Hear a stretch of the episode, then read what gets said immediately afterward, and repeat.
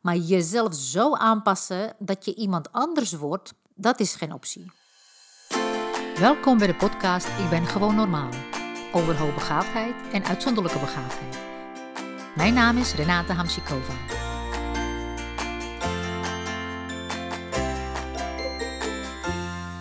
Ik wil het vandaag met je hebben over de mate van aanpassing die jij misschien doormaakt en die uh, zeker ook jouw kind doormaakt.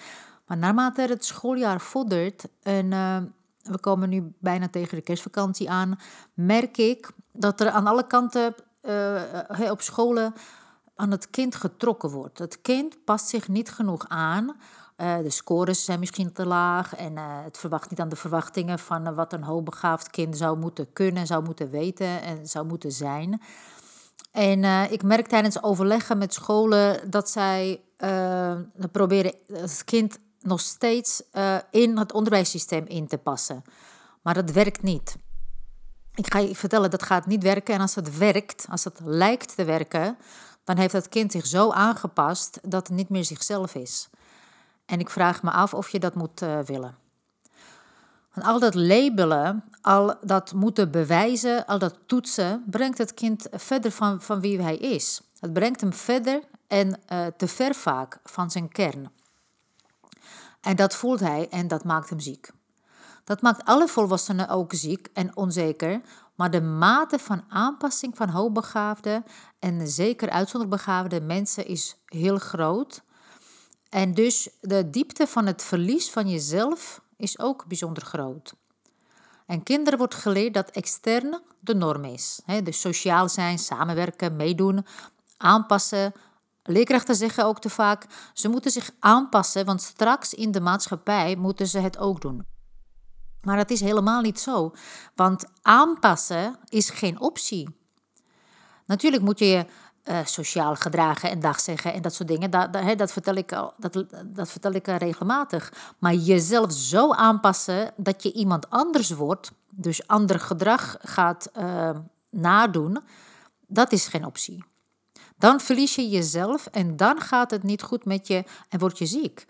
En of het nu geestelijke gevolgen heeft of ook lichamelijke, dat is afhankelijk van de mate van verlies van jezelf en de mate van aanpassing. Je intense, hooggevoelige lichaam en zenuwstelsel, al je verbindingen in je brein, al je cellen op microniveau, dan ben je ook hooggevoelig en intens. Je hebt dus des te meer balans en een sterke basis nodig, zodat je je eigen staat van zijn kunt behouden. Je hebt uh, een personal trainer nodig eigenlijk om te durven zijn wie je bent en je innerlijke kracht uh, gebruiken. Het gaat namelijk niet om extern, het gaat om intern. Sociaal zijn kun je pas zijn als jij zelf uh, heel bent. Anders ben je via masker aan het verbinden met anderen. En hoogbegaafde kinderen voelen dat intuïtief en verzetten zich ertegen. Heel hevig soms. Ze verzetten zich tegen deze assimilatie. Ze willen diep van binnen zichzelf zijn, omdat ze ook voelen dat hun zijn puur is en dat dat de waarheid is. En dat dat de werkelijkheid is en hun levensenergie. En ze worden van hun levensenergie afgehouden en hebben te weinig zuurstof ja, tot ze bijna stikken. En dan gaan ze met stoelen gooien, leerkracht slaan, zich afsluiten, uh, uh, met, met niemand praten, zich verliezen in gamen, niet meer naar buiten willen, niet meer willen eten, niet meer praten. Maar laat je kind het licht zien, en daarmee bedoel ik zijn innerlijke licht en zijn innerlijke kracht. Laat hem ontdekken wie hij werkelijk is. Niet dat aangeprate kind dat hij is, aangepast, maar wie hij werkelijk is.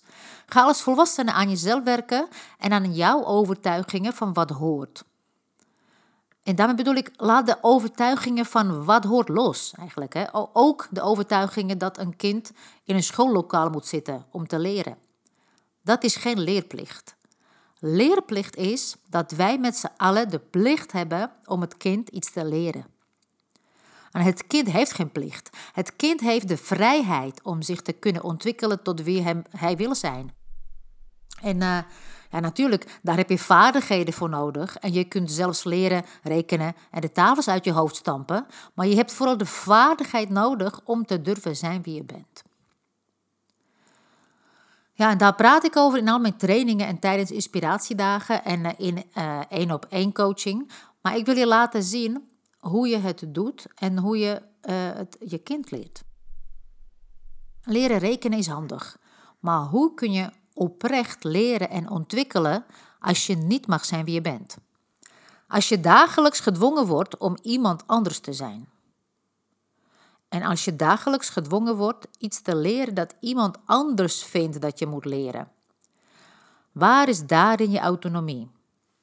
En ook daar is een balans nodig in uh, uh, en, en een uitnodiging. Ik wil je graag iets leren. Ik wil je graag iets laten zien. Wat je later kunt gebruiken. En ik wil iets leren waar, waar je iets aan hebt. En daarnaast wil ik graag van je weten wat jij wil ontdekken en leren. En we maken er samen iets moois van. Ja, je moet dus niet uh, alleen afhankelijk zijn van mensen die je niet begrijpen. Leerkrachten, psychologen, hulpverleners, mensen van de jeugdzorg. Allemaal aardige en vriendelijke mensen. Maar ze kunnen zich niet verplaatsen in wat jij ervaart, wat je leeft. En ze kunnen zich niet in je kind verplaatsen. En bovendien leven ze in hun conformisme en in hun gestructureerde test- en bewijswereld, waar je kind niet in past en waar jij ook niet in past. Als je afhankelijk opstelt en je geeft je persoonlijke macht weg, je autonomie en soevereiniteit, als je je laat vertellen wat je moet doen en wat hoort, wat doet het dan met je zelfbeeld en eigenwaarde? Wat is dan de weg van de hoogbegaafde rebel? De weg is het uh, systeem te leren kennen en het te gebruiken in je eigen voordeel en voor je eigen groei. Met andere woorden, wat heeft de arend nodig om in, het, om in het eh, klimaat van de aarde te overleven? Hoe komt hij aan zijn voedsel en hoe blijft hij onafhankelijk en zelfstandig? Gaat hij zich klein houden en zielig doen bij de duiven en daar bedelen om eten, om aandacht? Of bedenkt hij uh, zijn eigen route en zorgt hij voor zijn eigen behoeftes? Leert hij zijn kinderen om ook dat te doen? Je kunt leren van de natuur. Kijk rond en zie hoe prachtig iedere leefvorm naast elkaar leeft en ieder dier vanuit zijn eigen leefbehoeften zich tot alles verhoudt. Dat heeft je kind en jij ook nodig. Je kunt heel makkelijk dit principe van eigen behoeftes aan kinderen uitleggen als je hen vertelt over de natuur, over de zee, over de savanne uh, en dan een paar dieren nemen en die dan vergelijkt. Laat je kind een dier kiezen en de behoeftes van dat dier benoemen en dan vergelijken met andere dieren en kijk naar wat de verschillen er zijn. En stel je kind dan de vraag: zie je een walvis zich aanpassen aan een giraffe? Wat zou er gebeuren als de walvis het zou doen? Dan wordt vrijwel duidelijk waarom je aan jezelf moet denken en je kind gaat het begrijpen. En uh, zijn door jou geconditioneerd denkbeelden veranderen. Je kind heeft die vaardigheid nodig om zijn eigen gedachten te durven kiezen. Hij moet weten dat je je gedachten überhaupt kunt kiezen en dat je er sturing aan kunt geven. En dat je daardoor sturing aan jezelf geeft. Dat is hopelijk duidelijk. Je kind heeft ook zijn behoeftes. Leer hem die te omarmen. Benoemen, herinneren, uh, voelen, leven en vooral daarbij blijven. Niet afwijken, niet aanpassen, anders hou je te weinig levensenergie over. De behoeftes zijn uh, ja, fluïde. Het is een fluïde ontwikkeling. En je kind moet leren uh, nagaan, eigenlijk nadenken op wat hij op dat exacte moment voelt en wil. En dienovereenkomstig handelen.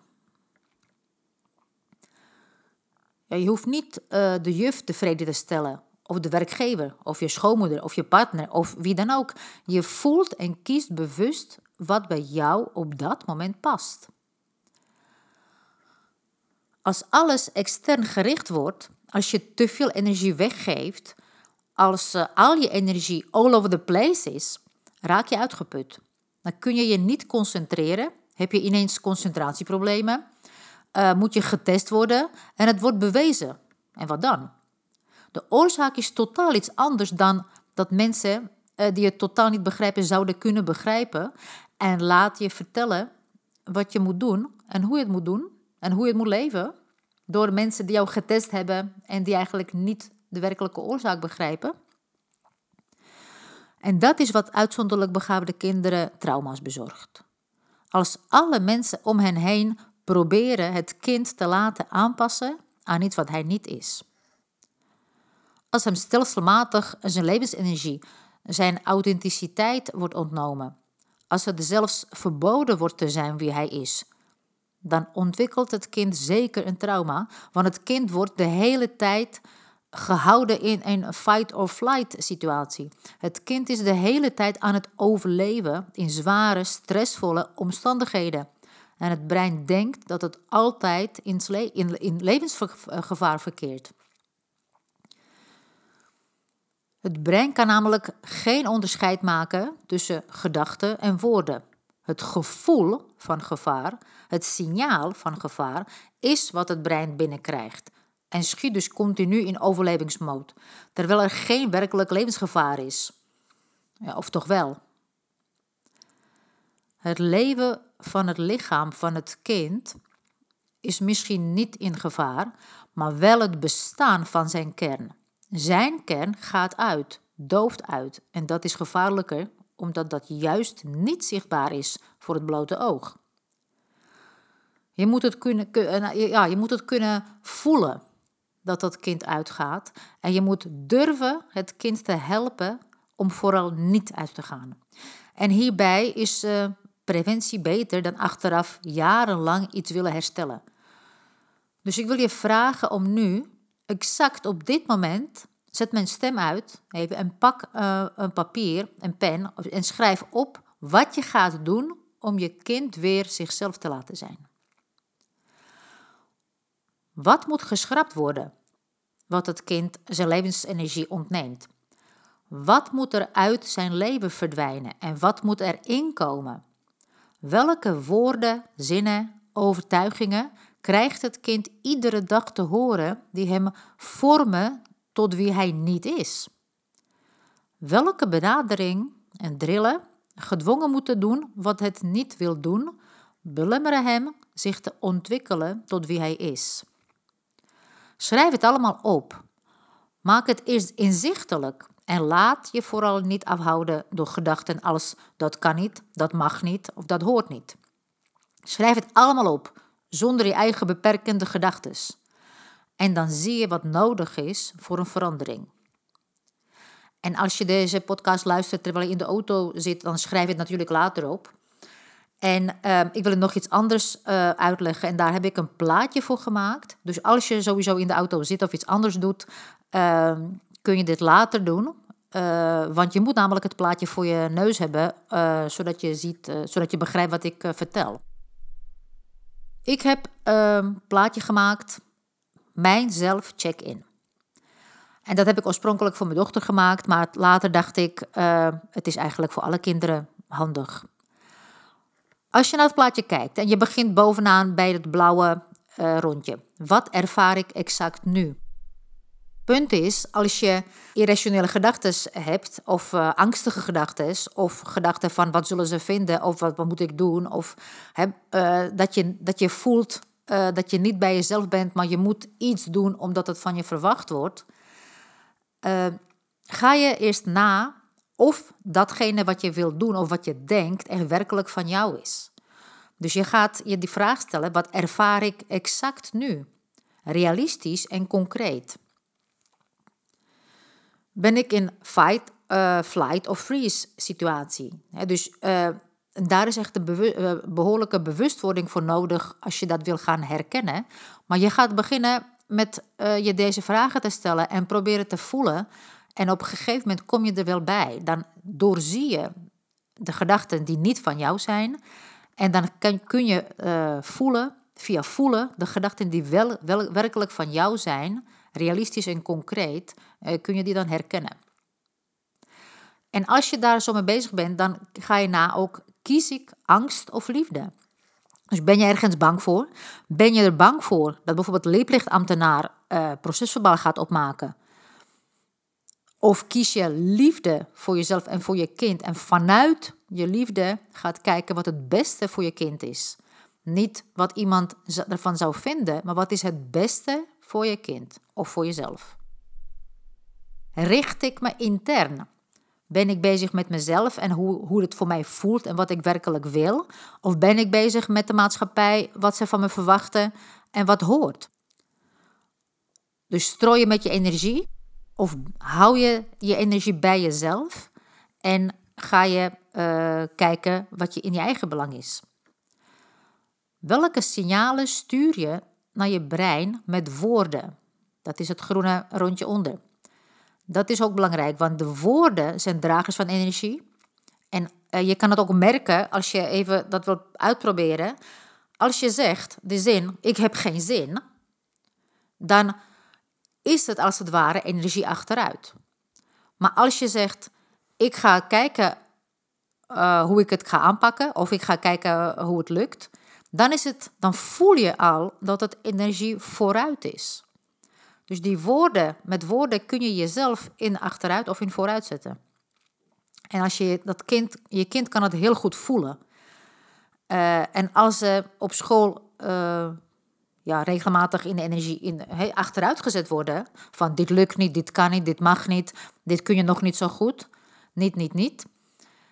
Hoe kun je dan eroverheen klimmen en vooruitkomen? Nou, door je eigen gedachten te kiezen en je eigen woorden. Dus welke woorden kies je bewust? Zodat je brein niet denkt dat het moet vechten of vluchten.